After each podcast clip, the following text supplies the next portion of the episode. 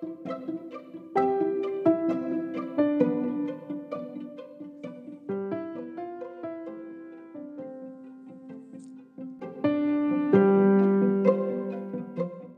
teman-teman, aku Lanang Sani Fauzan dan selamat datang di podcast ini. Kali ini aku bakal ngejelasin tentang kerjasama ekonomi internasional.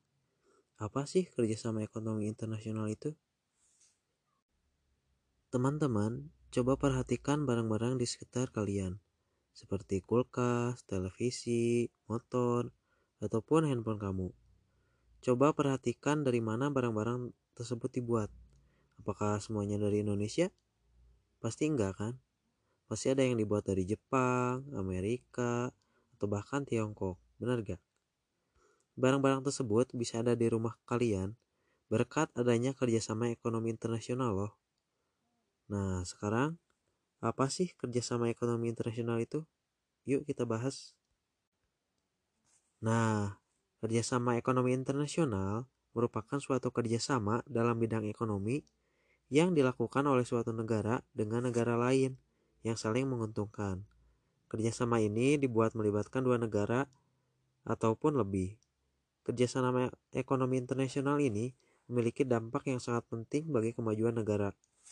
Coba bayangin deh, kalau Indonesia menutup diri, mungkin kamu tidak bisa memegang handphone atau komputer sekarang. Iya kan? Dengan saling bekerja sama, berorganisasi antar negara dapat menciptakan iklim kerjasama ekonomi antar negara loh.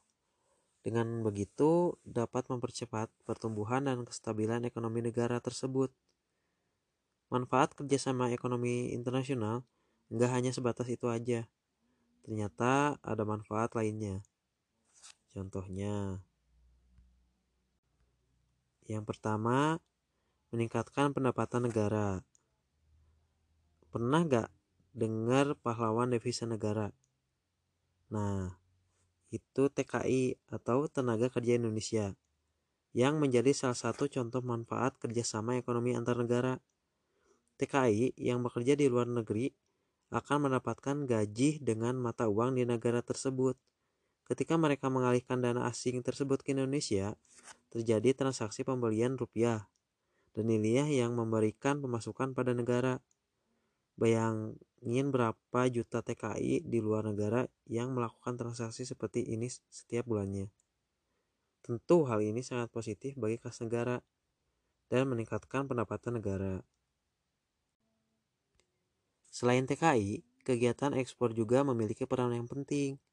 Indonesia negara yang kaya akan hasil buminya dan menjadi negara pemasok sumber-sumber bahan baku bagi negara-negara yang memiliki keterbatasan alam atau sumber daya alam, seperti Amerika dan Cina. Kedua contoh tersebut berperan penting dalam meningkatkan pendapatan negara dalam bentuk devisa. Devisa yang terus bertambah akan bermanfaat bagai percepatan pembangunan, pembayaran utang luar negeri, dan semakin meningkatnya pertumbuhan negara. Yang kedua yaitu menjaga kestabilan harga dalam negeri. Ingatkan prinsip terbentuknya harga di pasar? Ini berkaitan dengan jumlah permintaan dan penawaran. Jika produksi lebih sedikit dari permintaan, tentu akan terjadi kenaikan harga. Untuk mengatasi hal ini, perlu adanya penyeimbang antara permintaan dan keterbatasan produk, yaitu dengan memperbanyak jumlah produksi tentunya dengan solusi terbaik, yaitu dengan menambah kuota impor yang disesuaikan dengan permintaan masyarakat. Nah, karena itu Indonesia pernah melakukan impor daging sapi, beras, dan garam. Tujuannya adalah untuk memenuhi permintaan dalam negeri. Ketersediaan barang akan menjaga harga relatif stabil dan murah. Yang ketiga, memperluas ketersediaan lapangan kerja. Kerjasama ekonomi internasional akan membuka pasar ekspor. Permintaan ekspor yang terus bertambah maka akan menciptakan lapangan kerja baru. Ketersediaan lapangan kerja akan meningkat seiring dengan tingginya permintaan ekspor. Karena salah satu faktor yang menentukan tingkat kelancaran produksi yang terus meningkat adalah sangat bergantung pada adanya jumlah tenaga kerja yang cukup, di samping kebutuhan akan ketersediaan barang baku. Yang keempat, mempercepat pembangunan nasional. Salah satu langkah yang digunakan Indonesia untuk mempercepat pembangunan nasional adalah dengan meminjam dana dari Bank Dunia. Dengan pinjaman tersebut, Indonesia dapat membuka banyak pelabuhan baru, bandara baru, dan tol antar pulau.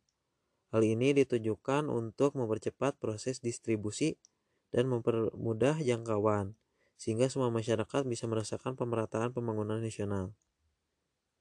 Yang kelima, alih teknologi. Pernah terbayang nggak jika sekarang Indonesia tidak mengenal teknologi, nggak mengenal handphone ataupun komputer? Perhatikan dunia saat ini. Semua berkembang dengan begitu cepat. Semua itu hanya bisa dicapai dengan bantuan teknologi. Nah, dengan masuknya teknologi ke negara kita, maka kita mempunyai kesempatan bagi untuk mempelajari dan menguasai teknologi tersebut. Apalagi jika kita bisa mengembangkan lebih jauh dan menciptakan yang lebih canggih lagi. Kondisi ini akan menciptakan para ahli di bidang teknologi. Nah, teman-teman, apa yang terjadi jika Indonesia tidak melakukan kerjasama ekonomi internasional. Coba kalian bayangkan. Pasti bisa dipastikan Indonesia akan menjadi negara yang tertinggal dan kalah bersaing dengan negara lain. Untungnya Indonesia membuka diri dan melakukan kerjasama ekonomi internasional, sehingga kita bisa bersaing dengan negara lain. Jika kalian yang suka dengan podcast aku atau yang suka dengan konten seperti ini, Kalian bisa support aku dengan mengklik follow atau ikuti yang berada di kanan atas layar kalian. Makasih.